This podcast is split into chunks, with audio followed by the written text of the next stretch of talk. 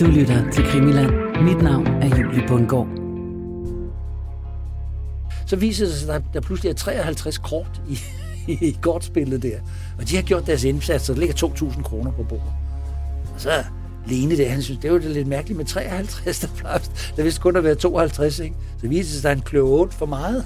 Og, øh, og det udarter sig til, at øh, Gunnar Christiansen der, han slår til Lene, da Lene vil tage pengene og kortene, og så slår han til ham, og så kommer lidt håndgemæng og sådan noget. Og så føler ham der Lene sig truet, så trækker han sin pistol.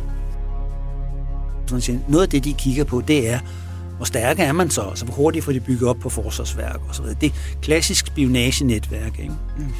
Og, og de oplysninger, de går så videre og kurerer til Sverige, og så bliver de fløjet til England og mikrofilm og alt sådan noget. Der er fuldstændig klassisk arbejde. Det ved tyskerne jo godt. De er jo ikke sådan nogen, der render. så alt, hvad de kan få fingre i, altså, så får man fat i en, og så torturerer man vedkommende. Så giver han måske oplysninger, som man får fat i den næste, og så travler man det langsomt op på den måde.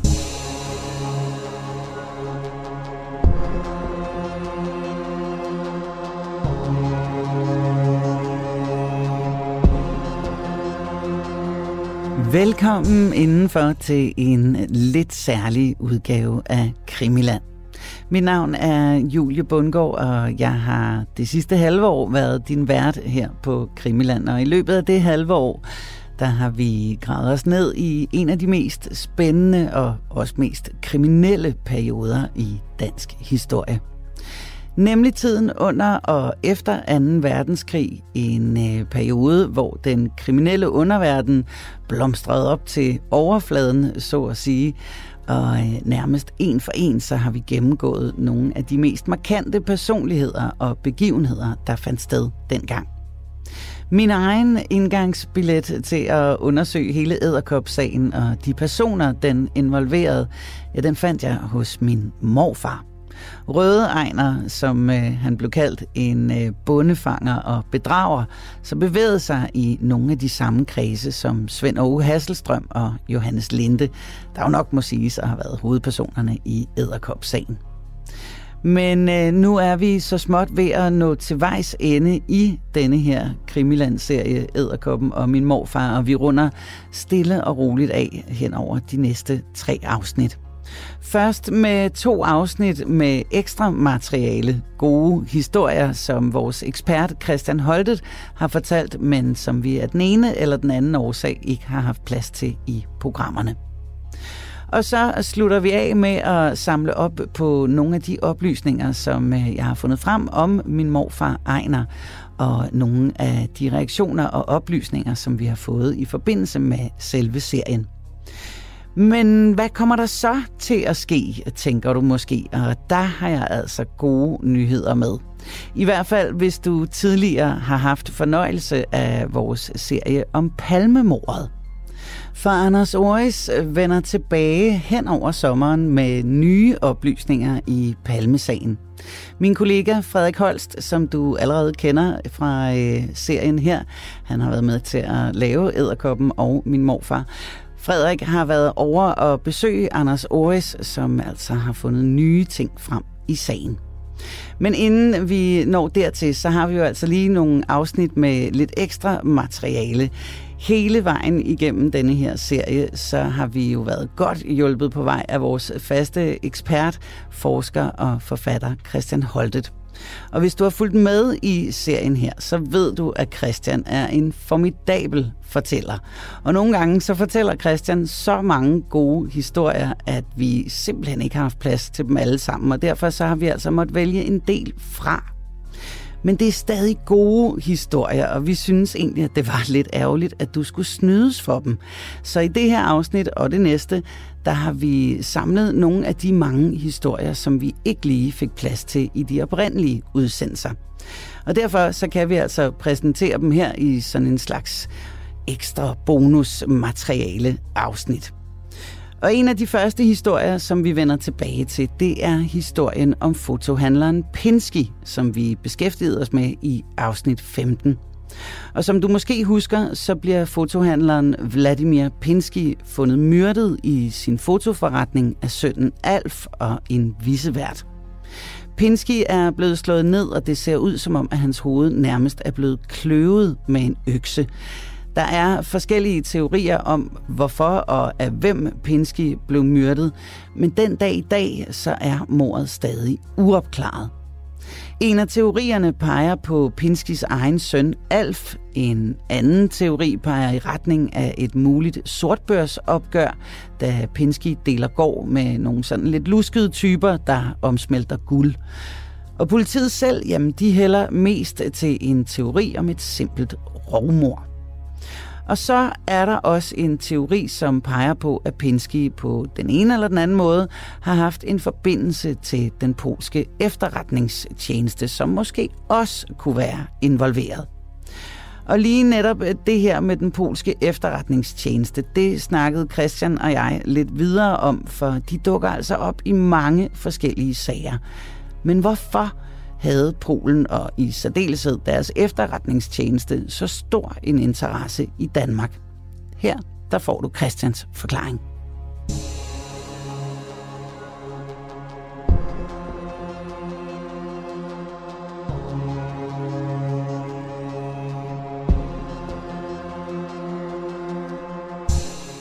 Ja, altså under krigen, der er Polen jo selvfølgelig, eller den polske eksilregering er selvfølgelig interesseret i oplysninger om danske, altså danske militære forhold. Altså, der er jo ingen, der ved, hvor, øh, hvordan krigen vil udvikle sig.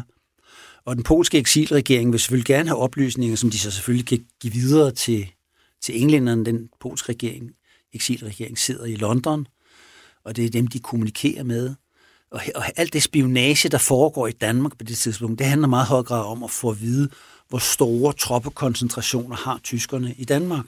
Først og fremmest Jylland, og, øh, fordi altså, hvor stærke er de? Man, man skal jo beslutte på et tidspunkt, da vi kom forbi slaget ved Stalingrad, og øh, der i 43, hvor det begynder at vende for alvor, og krigslykken begynder at svigte tyskerne og amerikanerne, Øh, ruster op, og englænderne begynder at få mere og mere greb om, om krigen, og ikke bare tabe alle steder. Så begynder man jo at overveje, hvor er det vi så, hvordan skal den her krig slutte? Hvor skal det, hvordan skal vi kunne invadere Europa og så videre? Og noget af det, man selvfølgelig kigger på, det er Jylland. At, kunne det være, der er nogle pæne flade strander, var det en mulighed, eller er det Sydnorge, eller, eller er det Frankrig, eller hvor er det, vi, vi skal sætte ind? Ikke? Og der skal man selvfølgelig bruge oplysninger, så mange som man overhovedet kan. Og noget af det, som både engelske øh, faldskabsagenter, nogle af dem er danske, altså i engelsk tjeneste, men også englænder og den polske efterretningstjeneste. Noget af det, de kigger på, det er, hvor stærke er man så? Altså, hvor hurtigt får de bygget op på forsvarsværk og så videre. Det er klassisk spionagenetværk, ikke? Mm. Og, og de oplysninger, de går så videre og kurerer til Sverige, og så bliver de fløjet til England og mikrofilm og alt sådan noget. Der er fuldstændig klassisk arbejde. Det ved tyskerne jo godt. De er jo ikke sådan nogen, der render. så alt, hvad de kan få fingre i, altså, så får man fat i en, og så torturerer man nedkommer. Så giver han måske oplysninger, som man får fat i den næste, og så travler man det langsomt op på den måde. Mm. Så det er rollen der. Der skal man selvfølgelig bruge en hel masse mennesker i forskellige roller. Nogle skal være sådan postkasse, nogle skal være kontakter. Der skal være åben hele dagen lang. Det er meget fint med sådan en forretning. Ikke? Det er åben fra kl. 9 om morgenen og kl. 5 om, eller 6 om aftenen. Ikke? Så der, er, der er mulighed for at gå ind og lægge noget fuldstændig uset og ugeneret, og det er ikke mystisk eller noget. Og man har brug for nogen, der kan mikrofotografere, som så kan altså, gå med, med hurtig post til England og så videre bagefter. Ikke? Mm. Så det, det er meget, øh, altså det, det passer fint ind i teorien, at Penske har haft den rolle der, øh, og, og, og han har sikkert været interesseret i at hjælpe Polen på den måde. Ikke?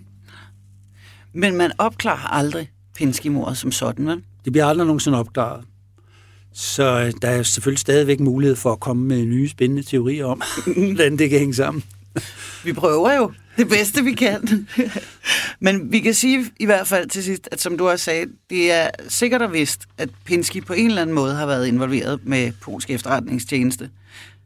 Ja, sik- sikkert og vist kan vi nok ikke sige. Men, men det kan man kan aldrig sige, om spioner. Men vi, nej, men vi kan sige ligesom... Uh, ligesom uh, politiadvokat Jørgen Theisen der, som er leder af den her morkommission, som arbejder med dobbeltmord på Peter Mangs. Jeg kan sige, det er meget, der, der, er en, der, er en, der er en pæn grad af sandsynlighed for, at han har været inde i det der. Ikke? Mm. Men, men vi, kan ikke, vi kan ikke knytte forbindelsen mellem det, og så det, at han så skulle blive myrdet nogle år efter. Altså hans spionagearbejde er noget, der foregår under krigen i hvert fald. Ikke?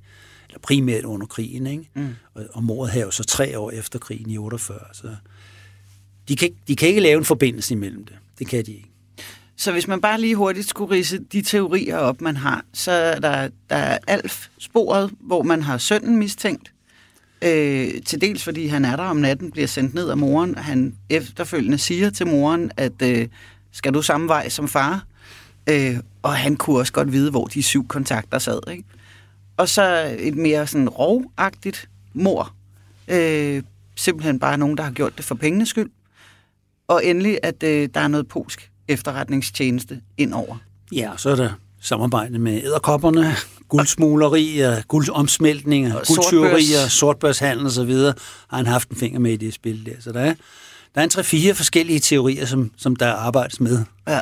på det her tidspunkt. Men der er nok ikke tvivl om, at den, den teori, politiet mest holder sig til og arbejder på, det er rovmorsteorien. Altså, øh, Øh, indbrudstyv øh, overrasker ham, eller, eller ved, at han er der, slår ham hårdt ned, har måske fået nogle oplysninger på forhånd, om han går med penge osv., stikker af. Svær er der ikke nogen fingeraftryk, vi finder aldrig vedkommende. Det, det er sådan, det tror jeg, hvis man spørger politifolk, der er sikkert nogle af dem, der er i live i dag, men altså, hvis man spurgte dem på det tidspunkt, så ville de sige, det, det er nok det mest sandsynlige. Jeg tror, jeg læste en artikel med Odmar, måske er det inde på Dines Bogøs øh, hjemmeside, hvor at øh, Odmar, han, øh, han siger, at vi har flere forskellige teorier, og så stiller han ligesom fire teorier op, som alle sammen går i retning af rovmor. Altså ja. bare, for, bare begået på fire på forskellige, forskellige måder. måder ja. Ja. Ja, der er altså noget med den der polske efterretningstjeneste, som går igen i flere af sagerne, og som altså måske er tydeligst i sagen om fotohandleren Pinsky. Og så er der faktisk også et lille ekstra spor i Pinsky-sagen, som politiet også undersøger, men som vi ikke fik plads til i første omgang. Nemlig sporet, der peger i retning af en estisk småforbryder og flygtning ved navn Norbert Porterhoff som politiet mere eller mindre støder tilfældigt på i forbindelse med et røveri på en slagtermester. Ja, så kommer den her estiske flygtning, estlandske flygtning, eller hvad man kalder ham, estlænder. Han, han hedder Norbert, det, det, jeg, jeg, jeg tror jeg lige vil sige navnet, fordi det er omtalt mange steder i avisen, og det er altså lidt sjovt. Ikke? Han, hedder, han hedder Norbert Nikolaj James Henry Borohoff. Det er et flot navn. det synes jeg også. Det er jo sådan lidt, man kan huske, når man sidder og kigger i sagerne. Det er også et af dem, det er ikke særlig sjovt at ringe nej, op til kommunekontoret og sige, jeg hedder. Men han, øh, han blev anholdt i forbindelse med et røveri på en slagtermester på Frederiksberg. De tre gutter, som har passet en slagtermester op, på hans, i hans bopæl ved Lindevangen. Øh, og så øh, øh, ved de, at han grænder rundt med penge. Han har faktisk 4.000 kroner i en, en stor tegnebog inde i... Øh, han har måske lige været i Kødbyen, eller skal på vej til Kødbyen for at handle ind. Jeg ved ikke lige, hvordan det... Men han har i hvert fald mange penge på sig. Øhm, og så passer de ham op i hans opgang, og så gokker de ham i hovedet med en pistolskæfte. Så han falder om, men han går ikke ud sådan som de måske havde tænkt sig. Han begynder at skrige og råbe og fægte med arme og ben og så videre. Så bliver de åbenbart så forskrækket, så de stikker af. Og så bliver de så fanget umiddelbart efter, fordi der kommer en anden slagter med løvende ned. Om det er en, der har forretning i nærheden, det ved jeg ikke. Men han kommer løvende hen, og så, så ser han det der, og så råber han op, og så videre. Så, så flygter de, og så er der nogen, der eftersætter dem, og så bliver de fanget, de der gutter. Og så finder de ud af, at, at de om formiddagen har forsøgt at lave et øh, postrøveri i, øh, Hellebæk, tror jeg det er, øh, som er gået galt, og der har de sådan stået og fægtet med en skarp revolver, og det er ikke rigtig blevet til noget, og det, altså de er ikke sådan topprofessionelle. Men han bliver så hævet ind, ham her, øh, Norbert øh, Porterhoff, vi kan nøjes med at sige for og efternavnet. Øh, og så siger han så, ja jo, altså det kan man, man jo ikke benægte de faktiske omstændigheder, men jeg har kun gjort det, fordi jeg er i gang med at hjælpe politiet at hjælpe politiet, siger han så. Ja, det, jeg er faktisk agent for politiet, siger han så. det, så de der betjente der, de sidder når må på lidt. Agent for politiet? Ja, det er jeg. Jeg har, fået, jeg samarbejder faktisk med, med Odmar og kriminalassistent Øst og kriminaloverbetjent Hemstrup. Dem samarbejder med. Nå, gør du det? Ja, det gør jeg, fordi uh, jeg var faktisk involveret i en sag omkring falske dollars. Og der fik jeg så tilbud af, af en, som sælger de her falske dollars, som er, jeg kunne købe dem, og, og det har jeg så fortalt uh, de her tre politifolk om. Og så sagde han, at jeg skulle bare købe med, og så kom der også en politimand med, og så skulle vi så lege køber, og så kørte vi afsted med ham der, og så, men det blev så ikke til noget, fordi han blev bange, fordi han troede, han var for fuld og sådan noget, men, men så arresterede de ham alligevel. Og så fik jeg 120 kroner i, i så sådan, sådan, ja, så, ja, løn, eller hvad man kan kalde det, ikke? Åh, siger de der ud mig, eller de der øh, assistenter der, hører om, om, om en deres overordnede skulle have sådan en, en besynderlig personage som politiagent.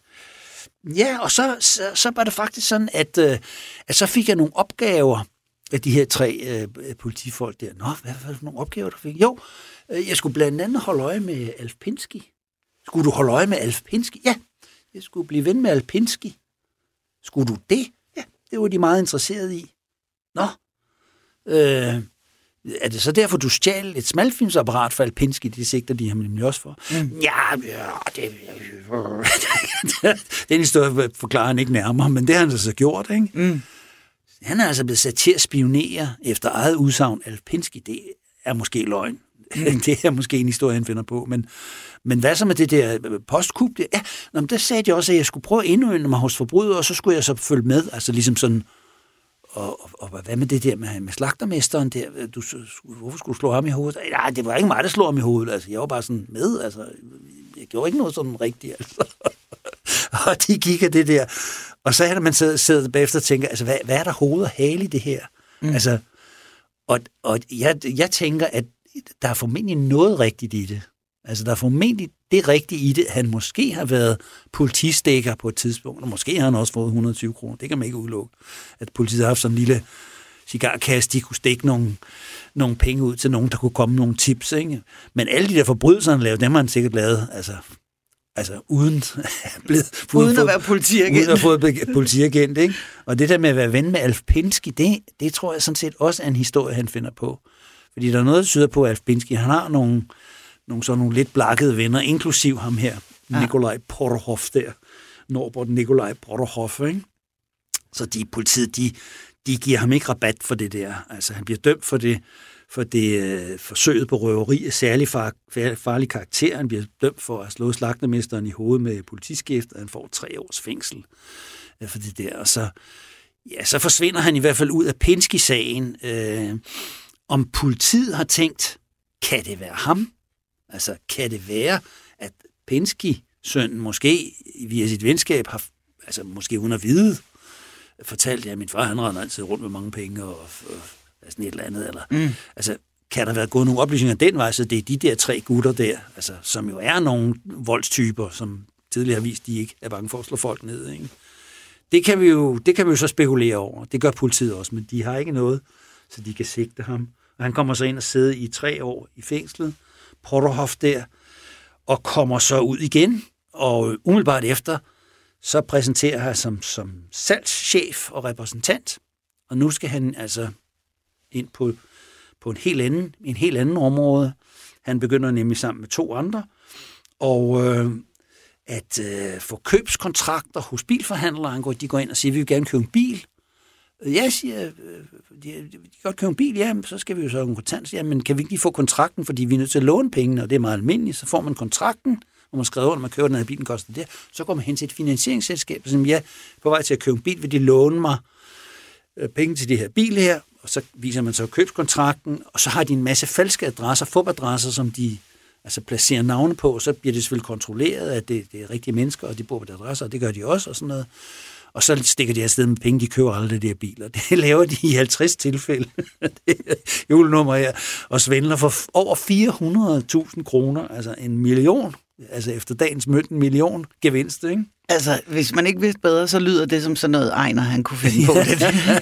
der er sådan noget, sådan noget småbedrageri, men det, det er sådan set meget... Men meget effektivt. Ja, meget effektivt. Sådan, den ene af dem... Og indbringende. Ja, men de, altså, de er vildt frække, de der gutter. Den, den ene af dem, så i, der er sådan et referat af retssagen, så den ene af dem, han stiller sig så op, da han, da han så får den der dom der, man har noget at sige, ja, man gerne have lov at bede myndighederne om at skærpe øh, dommene over for den slags finans bedrageri, og det er alt for let, siger han så.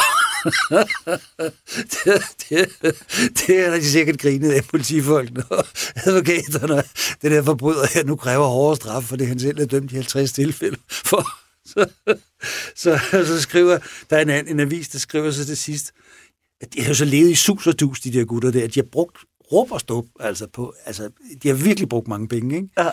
Og så skriver avisen til sidst, og, og, og mange unge pigehjerter har de så vundet i den her proces her, så skriver de så, adskillige pigehjerter er nok blevet knust, da bedragerierne blev afsløret. Men han forsvinder altså, Porterhoff, han forsvinder ud af Pinsky-sagen. Han optræder sig, som vi kan se her, i andre sager sidenhen. Øhm, så men, men ham får vi altså ikke dømt for, for Pinsky-mordet der.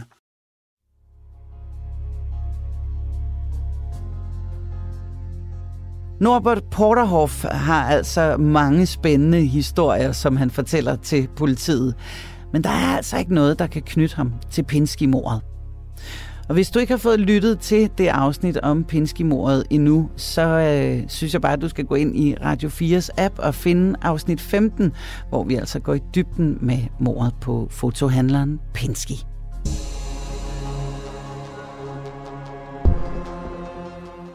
Og så rykker vi videre til en anden historie, som vi heller ikke har fået fortalt før. Nemlig historien om det store kaffetyveri. Som øh, vi har fortalt mange gange, så udspringer meget af den kriminalitet, der finder sted i efterkrigstiden, ganske enkelt på grund af rationeringen. Det, at man øh, indfører begrænsninger på dagligvarer og især luksusvarer, det frister altså både høj som lav til at bryde loven. Og det fører også til store organiserede kup, hvor udbyttet altså for eksempel kunne være en dagligdags ting som kaffe. Ja, altså der er jo også det berømte kaffetyveri på Frederiksberg, som øh, altså, hvor der bliver stjålet 12 1320 kilo kaffe, altså 1,3 tons kaffe bliver der stjålet fra et lager på, på Finsensvej. Det er ikke bare lige noget, man tager Nej, i inderlommen. det er, det, det, i avisen rapporterer efter det der teori, så står der i avisartiklen, altså stort indbrud, kaffe stjålet og sådan noget, så står der, det svarer til 12.000 menneskers kafferation.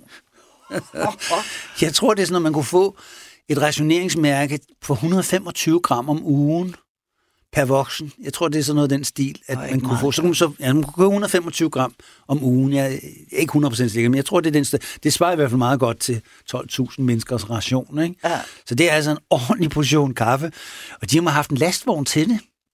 Øhm, og så øh, den her lastvognschauffør, han bliver senere fanget, og så bliver han spurgt om det der, med det der kaffe, der er blevet kørt, og sådan noget, så siger han, det kender han ikke noget til.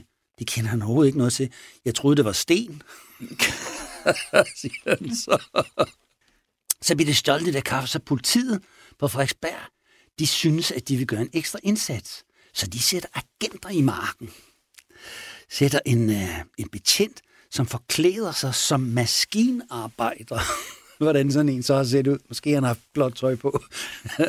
Noget med en kedeldragt. Ja, et eller andet.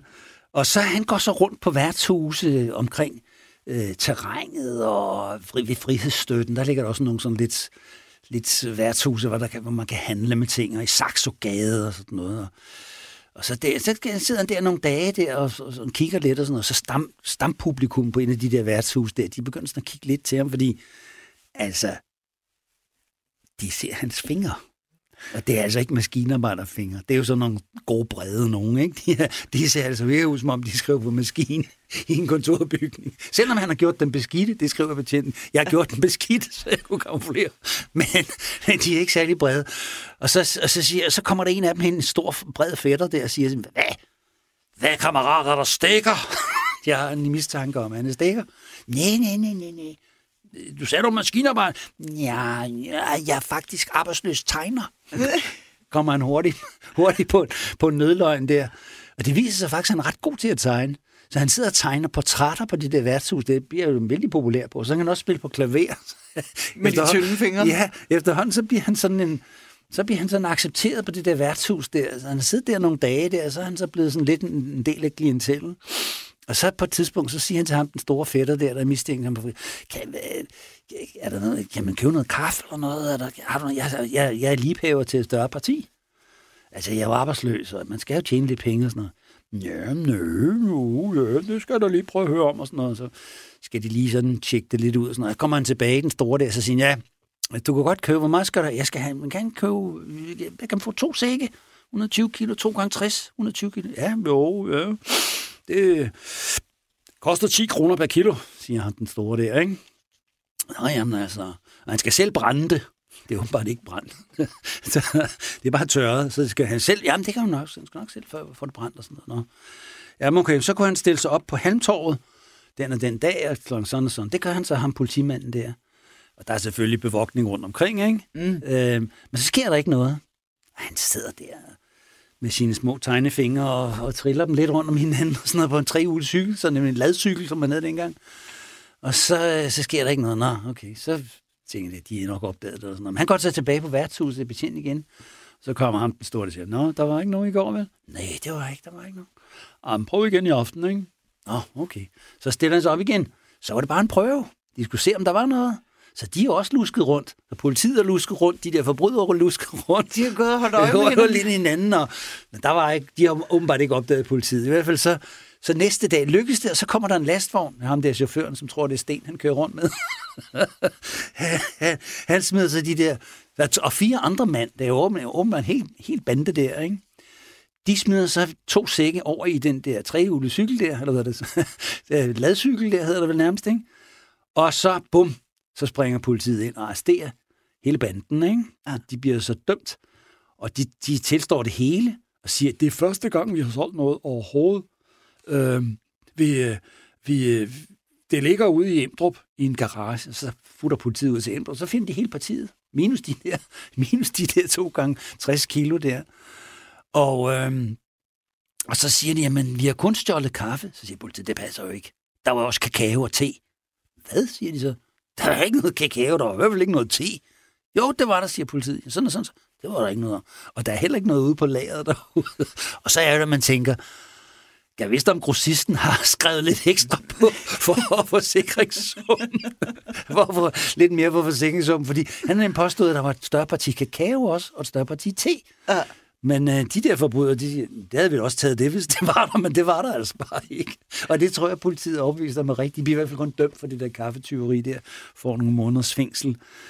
Øhm, sådan nogle typer der. Men der kan man altså se, at øh, ja, politiet er, det, det, de, er ikke, de er ikke blege for at tage uortodoxe metoder. Det er så noget af det kaffe, som så cirkulerer rundt i sortbørskredse. Og det var formentlig, noget af det var formentlig havnet måske hos Hasselstrøm eller Linde eller mm. nogle af de der, som, eller nogle af deres underfolk, så var det så blevet faldbudt i mindre partier, ikke? fordi det kunne der tjenes virkelig mange penge på dengang. Det sorte guld var altså i høj kurs under og efter krigen og blev en eftertragtet 20-kost vare. En anden ting, som var eftertragtet, var kontanter, som mange af sortbørshandlerne lå inde med i ret så anselige mængder. Vi har hørt historierne om, hvordan krisebetjenten Johannes Hansen fandt 40.000 kroner gemt i en vindueskarm under et vindue. Eller hvordan min egen morfar Røde Ejner på et tidspunkt bliver tilbudt at begå et indbrud hos Hasselstrøm, som efter sine skulle have 100.000 kroner liggende i en skrivebordsskuffe. Alt sammen kontanter, der selvfølgelig ikke er blevet handlet sådan helt lovligt, og som i hvert fald ikke er blevet opgivet til skattevæsenet. Og derfor så vil regeringen selvfølgelig også meget gerne have fingre i de her kontanter, og de forsøger sig med en storstilet valutaomveksling for at komme de mange sorte penge til livs. Men her er Hasselstrøm også forberedt og har fundet frem til en ganske genial metode at få omvekslet sine mange kontanter. En metode, der involverer en hel del af de københavnske subsistensløse, men også en del søfyrbøder, som var organiseret under en vis Richard Jensen. En historie, vi heller ikke fik plads til i første omgang, men som jeg bestemt ikke synes, du skal snydes for her der begynder at gå rygter, og jeg tror, Hasselstrøm har, er blevet informeret, øh, måske rimelig nøjagtigt på forhånd, om, at regeringen på et tidspunkt, ikke annonceret tidspunkt, vil lave en pengeombytning. Man vil simpelthen veksle pengesedlerne. Øh, og det sker så rent faktisk også. Og der, der, der går Hasselstrøm, inden det sker, i gang med at planlægge, hvordan skal vi klare den her pengeomveksling. Jeg tror, det bliver annonceret en eller to dage før, i hvert fald meget kort tid før, så, bliver der så, står der så i aviserne, nu bytter man pengesedler, og man kan få byttet 500 kroner uden nogen former for dokumentation. Altså, hvis man har en 500 kroner selv, så kan man bare gå ind i en bank og bytte den. Hvis det er beløb over det, så skal man dokumentere, hvor man har pengene fra. Ja, for det er vel netop derfor, at de laver den her øh, valutaomveksling. De laver det for at komme sorte penge til livs. Altså, de ved, at der cirkulerer en masse penge, som der ikke er betalt skat af, som findes i form af kontanter, i form af pengesedler, og måske også guld, men det er altså nogen, der har været fornuftige ombytte. Vi kan måske huske historien med slagtermester Oscar Eglert, som kom til København, og han havde også en fornemmelse af, at der kunne nok ske noget efter krigen, så han havde sørget for at få byttet 50.000 kroner til guldmønter. Sådan er der mange, der har gjort. Men, men der er selvfølgelig også masser af sædler i omløb. Ikke? Mm. Og der kan man altså som sagt få, få vækstet 500 kroner uden problemer. Beløb derover skal man dokumentere. Så skal man sige, at jeg har tjent ved det og det, og så skal man aflevere klæring og så videre, så videre. Der er også i hændehaver papirer, som man skal kunne redegøre for, altså som man lige så godt som, som kontanter. Men Hasselstrøm, han står også i den situation, at han formentlig har en stort kontantbeløb liggende. Og så gør han to ting. Han sætter sine brødre og sine agenter i gang med at finde øh, subsistensløse, fattige mennesker, og fattige mennesker, som bor på, på hvad hedder, Vesterbro og i Indre By, og de bliver udstyret med en 500 kroner og så skal de gå hen dagen efter og få den vekslet til en, en ny 500 kroner og så får de så et mindre beløb ud af den her. De ved godt, at hvis ikke de vender tilbage med pengene, så falder der branden ned. Så det gør de så. Det, og der er sådan en helt stribe af folk der, som bliver sat i gang. Og nogle af dem, det er så nogle af dem, der har været med til Hasselstrøms berømte sommerfrokoster, hvor han trakterer med øl og brændevin og smørbrød og så videre til, til, til kvarterets fattige. Der spændende billedbladsreportage om en af de der på et tidspunkt, som det bliver lavet, øhm, som man kan se på i øvrigt hjemmesiden dobbeltdanmark.dk. Øh, og det andet, han gør, det er at kontakte Richard Jensen. Og Richard Jensen, han har jo forbindelse til en masse søfyrbøder, og der er en hel stribe af dem, der bliver udstyret med 500 kroner sædler. der ligger en rapport i Lederkopssagen om, hvordan Richard Jensen arrangerer det der.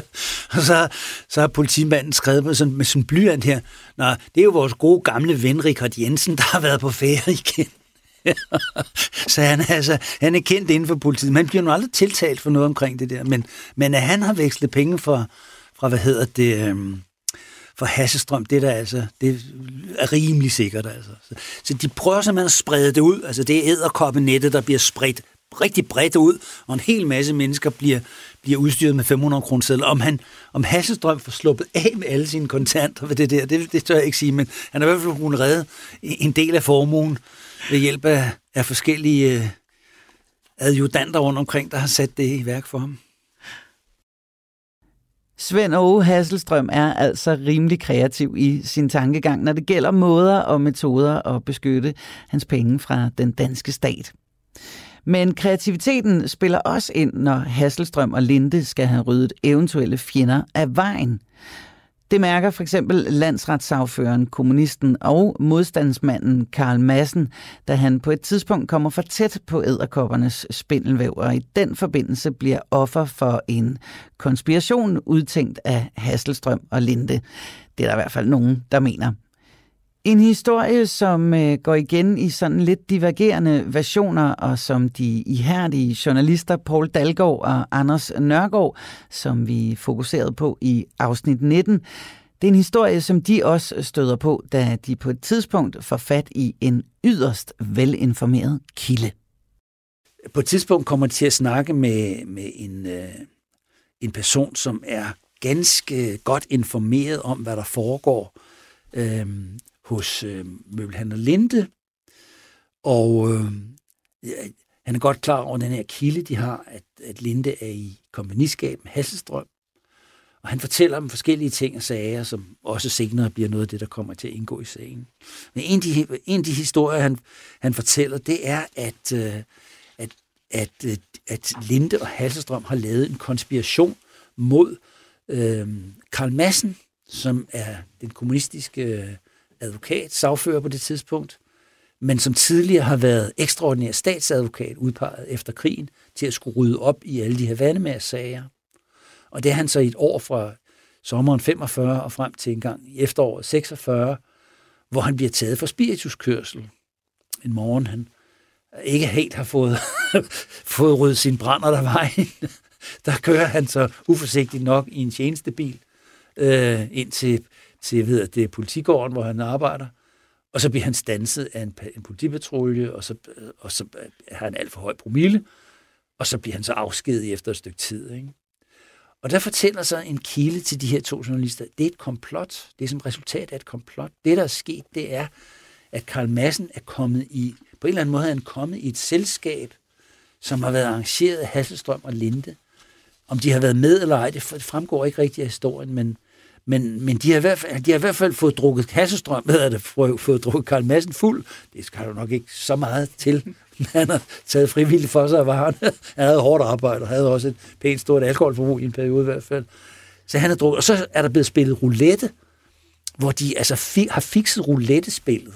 Det kan godt være, at den del af historien er altså ekstra pynt, men det kan også være, at hele historien er opdigtet, det ved vi jo ikke. Men de fortæller for den her historie her, at så har han så fået lov at vinde 15.000 kroner i roulette-spil, og blevet drukket rigtig godt og fuld, og så har han altså, så har de så tipset politiet om, at, hvad hedder det, Karl Madsen, det er ham skal de holde øje med, fordi hvis han kører nogle steder, så kan de nappe ham for spirituskørsel. Ikke? Mm. Og så skulle der altså ifølge den her historie være sådan, at, at to politifolk, som altså har været bestukne, har skygget Karl Madsen og, og åbenbart overvåget ham så meget, og selvom han er gået hjem, så har de stået og ventet øh, at køre den mand nu tidligt på arbejde om morgenen, fordi det her alkoholspil her, det er jo foregået til langt ude på de sene timer. Så de har altså stået og ventet, og når han så kom ud og sætter sig i bilen, haps, så har de nappet ham. Ikke? Og den historie har jeg stødt på flere gange i Edderkopsagen, i forskellige varianter. Altså forskellige forbrydere har fortalt politiet om denne her historie. Mm. Øh, og det kan, jo, det kan jo være en vandrehistorie. Nogle har moret sig lidt, og så, så den går den, og så efterhånden så bliver den mere og mere sand, og bliver mere og mere fantasirig. Men det kan også være en rigtig historie i virkeligheden. Ikke? Ja. Og der er en, en, af, en af de kilder til historien, eller ikke, han er ikke en kildehistorie, men han fortæller en anden historie, som ligesom viser lidt om, at der måske kunne være noget om sagen. Og det er en spiller, som bliver fuldstændig blanket af af Linde på et tidspunkt. Han, han hedder Champagne-drengen, sådan. Øh, det kan være, at vi skal tale om ham sent på et senere tidspunkt. Han mister et forfærdeligt stort beløb i falsk spil, og, øh, og han fortæller så politiet, at, at Karl Madsen, han har set Karl Madsen og Richard Jensen øh, gå sammen med Linde og Hasselstrøm ind i Lindes forretning. Øh, og det er jo lidt mærkeligt, fordi at Hasselstrøm øh, og Karl Madsen, altså, øh, hvad skulle de ligesom have med hinanden at gøre? Og, ha, og, og, og Karl Madsen og Richard Jensen, hvad skulle de med hinanden at gøre? Jeg skulle lige til sige, det er et vildt selskab. Ja, det er et vildt selskab, ikke? fordi at, øh, det er altså forbrydere, plus to, der er altså, politiske modstandere, i hvert fald på papiret. Ikke? Oh. Karl Madsen er medlem af Kommunistpartiet, og har i hvert fald ikke noget til overs for Richard Jensen. Senere bliver Karl Madsen sjovt nok sagfører for, eller forsvarer for Richard Jensen, øh, hvor, hvor Richard Jensen havde taget en, sag, en gammel sag op, det er så mange år senere. Ikke? Men om de har haft noget med hinanden at gøre, tja, det er lidt svært at sige. Øh, jeg tror det måske. Men han siger så, at de har, de har så set hinanden. Og, og der er så også yderligere, øh, på et tidspunkt, så afhører politiet rent faktisk Linde, siger, var der noget om den her historie? Og så siger Linde først, ja, det var noget, jeg arrangerede. Vi kunne ikke lide Karl Madsen, og han efterforskede i, i mig. Han, vi havde den der krisesag, og det skulle der ikke være noget, og, og ham skulle vi nok få knaldet, ikke? Og vi kunne heller ikke lide ham og så videre. Så vi arrangerede det der. Det fortæller han politiet. Og så siger politiet, nå, det må jeg lige skrive ned og sådan noget. Og så bagefter siger, øh, hvad hedder det, Linde der. Ha, det er bare løgn. Jeg bilder dig bare en historie ind. Hold da op, hvor er du godtroende. Og så siger politiet, hvad, hvad, hvad, er der nu op og ned på det her? Altså, hvad, hvad er der nu op og ned på det her? Og så siger Linde, Jamen altså, hvis jeg får nogle fordele, så kan du godt være, at jeg fortæller den rigtige version. Så politimanden siger, nej, nu tror jeg, vi stopper her. og så skriver han så lidt det er ikke til at hit redde i, hvad den mand siger. Han siger det ene det ene øjeblik, det andet det andet øjeblik, og det tredje øjeblik, så vil han have nogle fordele ud af det, hvis han skal fortælle sandheden. Ikke? Ah. Og det er jo så lidt, der er man jo så lidt ude i noget, altså en speciel, altså en speciel situation her. Ikke? Men det er sådan nogle historier, de får. Journalisterne Nørgaard og Dalgaard får rigtig mange historier at vide, mens de researcher på hele det, der bliver til æderkopsagen. Og Christian Holtet, vores ekspert, han fortæller også rigtig mange historier, og det er altså ikke dem alle sammen, vi har kunne få plads til i de oprindelige udsendelser, og derfor så har vi altså lavet det her opsamlingsheat, hvor vi nu i løbet af de næste par uger afrunder serien Æderkoppen og min morfar. For det er helt vildt gode historier, og vi synes ligesom, at du skal have det hele med. Og den sidste historie, du får med i dag, det er også en historie, som øh, Paul Dalgaard og Anders Nørgaard støder på, mens de skriver deres mange artikler om den sorte børs. Og her, der skal vi i byen med et par spillefugle. De kommer også til at snakke om, om hele det her spillemiljø i København. Så det var meget sjovt. Og der kunne jeg godt tænke mig at fortælle en historie, som, som ligesom vidner lidt om deres, deres sindelag. Og det starter med en, øh, det starter faktisk et par år før øh, med en mand, som øh, hedder Gunnar Christiansen. Og han er, han er 29 år. Han har tjent en masse penge på, altså under krigen med at handle med forskellige ting. Øh, og han har fået købt sig en kæmpe, kæmpe stor villa ude på Svanemøllevej, 92. Men det han nok i virkeligheden tjener sine penge på, det er på travsport, hvor han spiller på travbanen, han har også heste, og så spiller han kort. Og det er der, hvor jeg tror, at den, altså den, virkelige, øh, den virkelige historie ligger. Og ham skriver Nørgaard og Dalgaard også om, og så i forbindelse med den her rapport, så støder de på ham igen.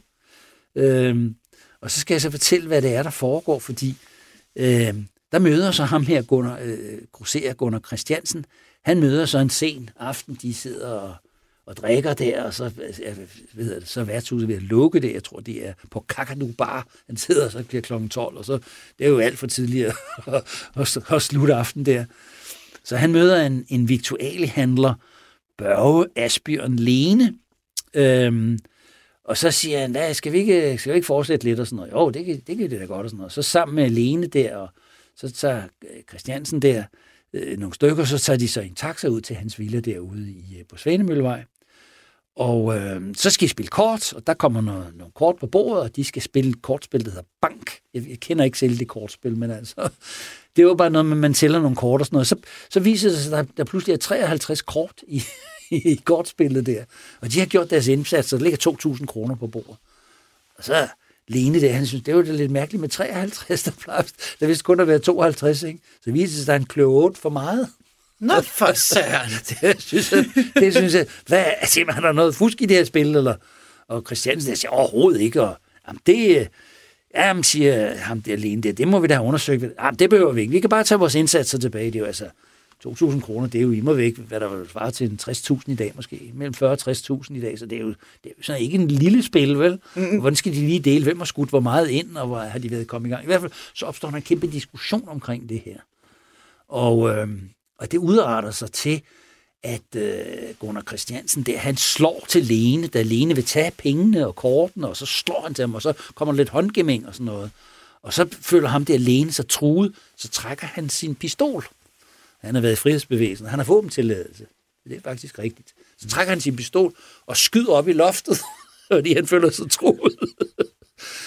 så har Gunnar Christensen der, Christiansen der, så løber han op på første sal i den her store ville og finder sin egen revolver, tror jeg det er, og løber ned og fægter med den her, og så begynder de at skyde på hinanden. det er sådan helt cowboy-drama. Det er fuldstændig cowboy-drama. Det er jo også en af overskrifterne i, i avisen, så står der cowboy-drama i Hellerup. en anden, en anden, en anden uh, avisartikel, der står der klør 8 for meget udopstegn. Kortspildrama i København. Ja, det... Nå, så ligger de, de, de skyder på hinanden der, så ham der alene, han løber ud af døren, ikke? Øh, og så uh, Gunnar Christen skyder efter ham ud, ud af vinduet, og så Lene, han, han den anden grosserer, han dækker sig så ind bag en eller anden fremspring eller noget, men der bliver ved med, at vi skulle. Så vender han sig om, og så skyder han ind gennem vinduet, og så rammer han øh, Gunnar Christiansen lige i panden. Nej. Med en, en, kraftig kalibreret pistol der, og han ryger så selvfølgelig bevidstløs ned og bliver indlagt på hospitalet og hårdt såret, og der er spørgsmål, om han overlever og så videre. Ah. Men det gør han, det viser sig, at han overlever, fordi nu kommer vi så frem til den rigtige historie. Lene, han han bliver så tiltalt for det her, og, øh, og så kommer han så til påvisning, så skal han fortælle politiet, hvad er der, der foregår. Så går de til påvisning med den der vilde der, og så, mens han er ude og prøve at demonstrere, at han har været uskyldig, og sådan noget, der er han færdig med, han siger, ja, det er bare selvforsvar, der er beskudt på mig, og sådan, han, han mener sådan set, at jeg ikke har gjort noget, vel? øh, så, så på et tidspunkt, så stikker han af fra politiet. han får fat i en køkkendørsnøgle og låser politiet ind i et køkken, og så stikker han af for den der vilde der, løber sin Nej. vej. Det er jo ikke særlig smart, vel, hvis han mener, han er uskyldig, men han har nogle affærer, han skal ordne, siger han bagefter. Han har ikke tid til at snakke med politiet. Han har ikke tid til at se i fængsel, vel? Jeg smutter nu. Jeg smutter nu. Jeg låser lige politiet ind. så løber han afsted. Og så den næste dag, så melder han til politiet igen, så har han så fortsat sin affære, ikke? så, og så bliver han så faktisk løsladt, og de rejser aldrig tiltale imod ham nogensinde, Nå. fordi at, øh, det er selvforsvar. Okay. Og øh, jeg tror, at øh, de er overbevist om, at han har ret, ham her, øh, Gunnar Christiansen. Det, jeg ved, at der er alene der, at det er Gunnar Christiansen, der startede skyderiet, ikke? og det er Gunnar Christiansen, der snyder, og den her Lene, han er ikke straffet for noget. Han har et pænt navn i frihedsbevægelsen, han har været aktiv sabotør og sådan noget. Så det tror jeg, det hjælper ham altså i hvert fald øger sandheds, eller den sandhedsværdi, man tillægger hans beretning. Så mm. der bliver aldrig rejst tiltale mod ham. Og Gunnar Christiansen overlever sig og fortsætter så sin karriere som korthosler, og så kommer vi så frem til den egentlige historie, som er en historie, de skriver lige præcis på det her tidspunkt, og som de så omtaler i deres, deres øh, dagbog, øh, vores to journalister her.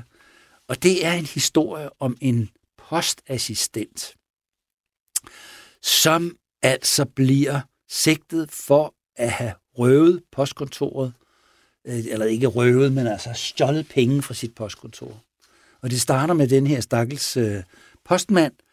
Han har tidligere været købmand, og så, men så går han for lidt under krigen, øh, lige i begyndelsen af krigen, og så bliver han så ansat som postassistent, eller hvad hedder sådan noget, postmedhjælper øh, på Østerbro Postkontor.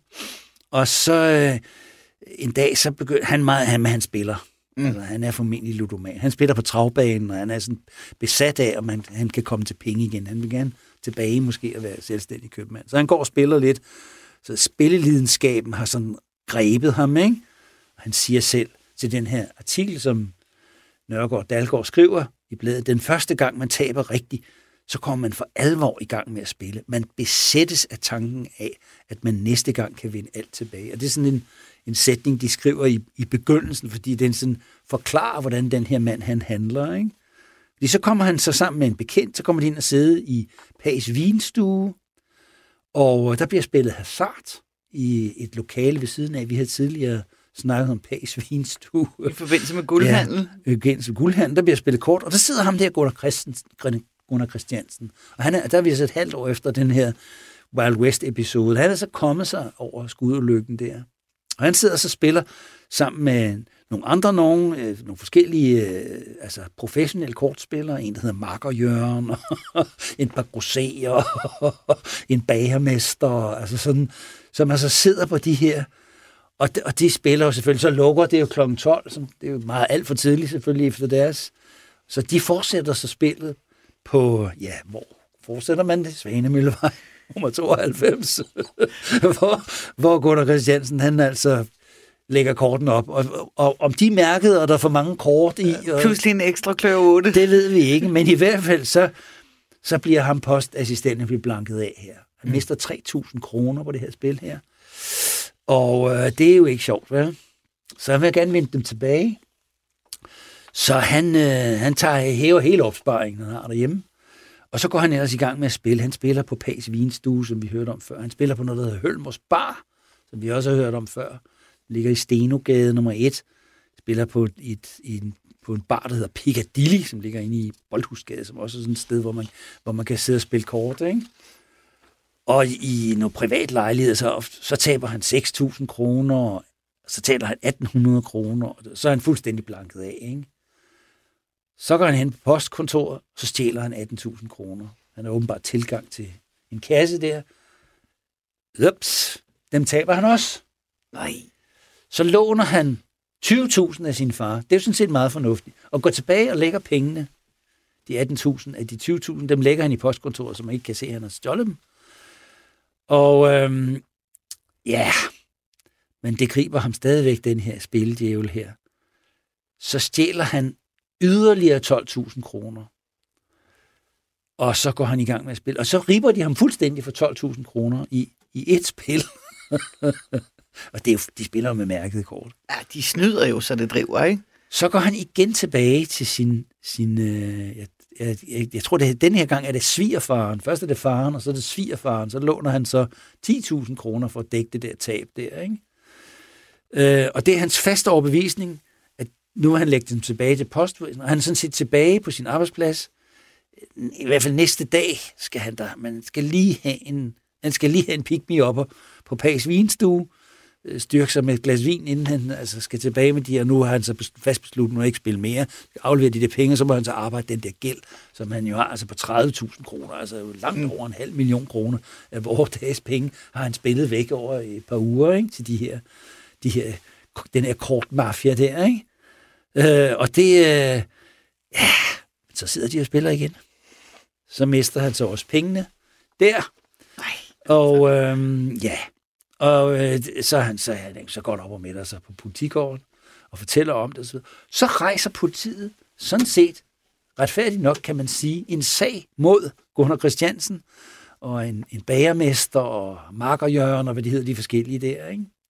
Og de bliver så faktisk dømt til at betale tilbage til postassistenten, øh, jeg tror det er 14.000 kroner eller sådan noget, ikke?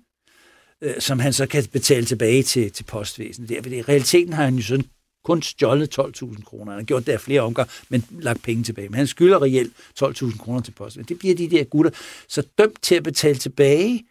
Øh, og så, og så, men han har jo så også afsonet en fængselsstraf postassistent, derfor har stjålet øh, mm. de her penge her. Skal han så også betale dem tilbage. Og de her gutter her, de bliver jo så sigtet, og de får så nogle dagbøder, de får sådan 20 dagbøder af 6 kroner eller sådan noget. altså faktisk en meget lille dom, ikke? Ja. Men bliver altså, den hårde dom er, at de skal betale nogle af de penge tilbage. Det bliver de simpelthen så forarvet over i retssalen.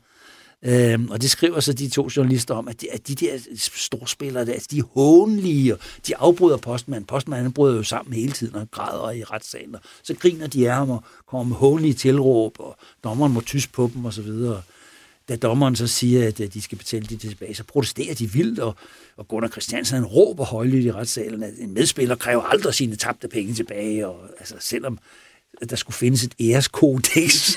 han selv sidder og spiller med falske kort, så kræver han, at der er et æreskodex for dem, der har tabt pengene, de kræver dem ikke, kræver dem ikke tilbage. Det er jo fuldstændig bizart, ikke? Ja. Og de hudfletter altså de her spillere, de nævner dem ved navns nævnes, de skriver deres, deres, deres adresse ned, og, og, altså, og, og, og, altså, og overskriften af sådan her stakkels postassistent der, ikke? og drama i retssalen, og hele, hele det der. Ikke? Det er sådan en, en led i deres kampagnejournalistik, ikke? at at de simpelthen...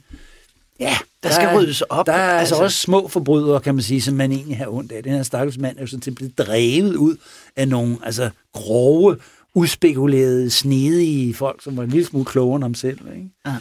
Og det, det, det, det der, den der sociale bevidsthed ja, kommer i spil. Det er de meget, meget, øh, det er de meget, øh, hvad skal man sige, uh, irriteret over. Ikke? Mm.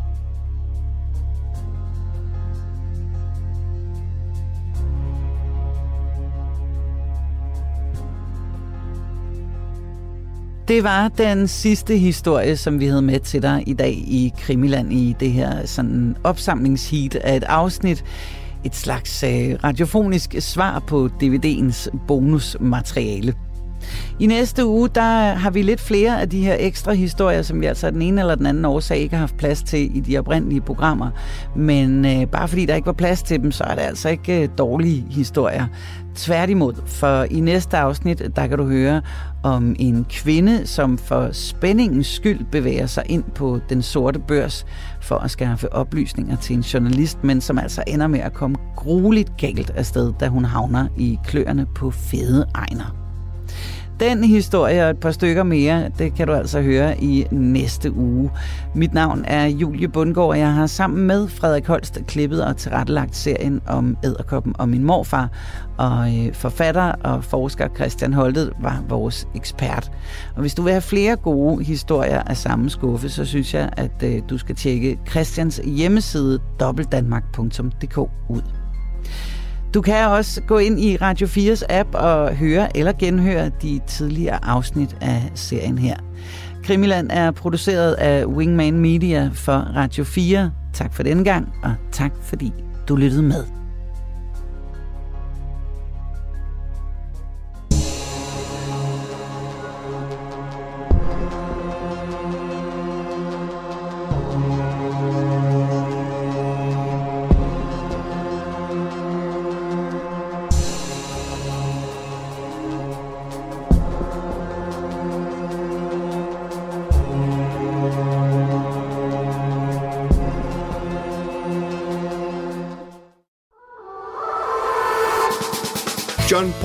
Paul George Ringo.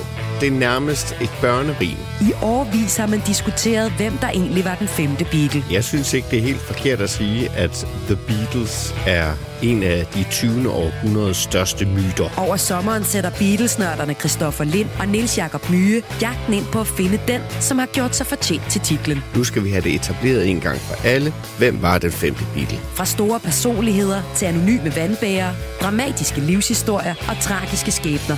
Og selvfølgelig med massevis af god musik. Lyt til jagten på den femte Beatle i Radio 4's app eller der, hvor du lytter til podcast.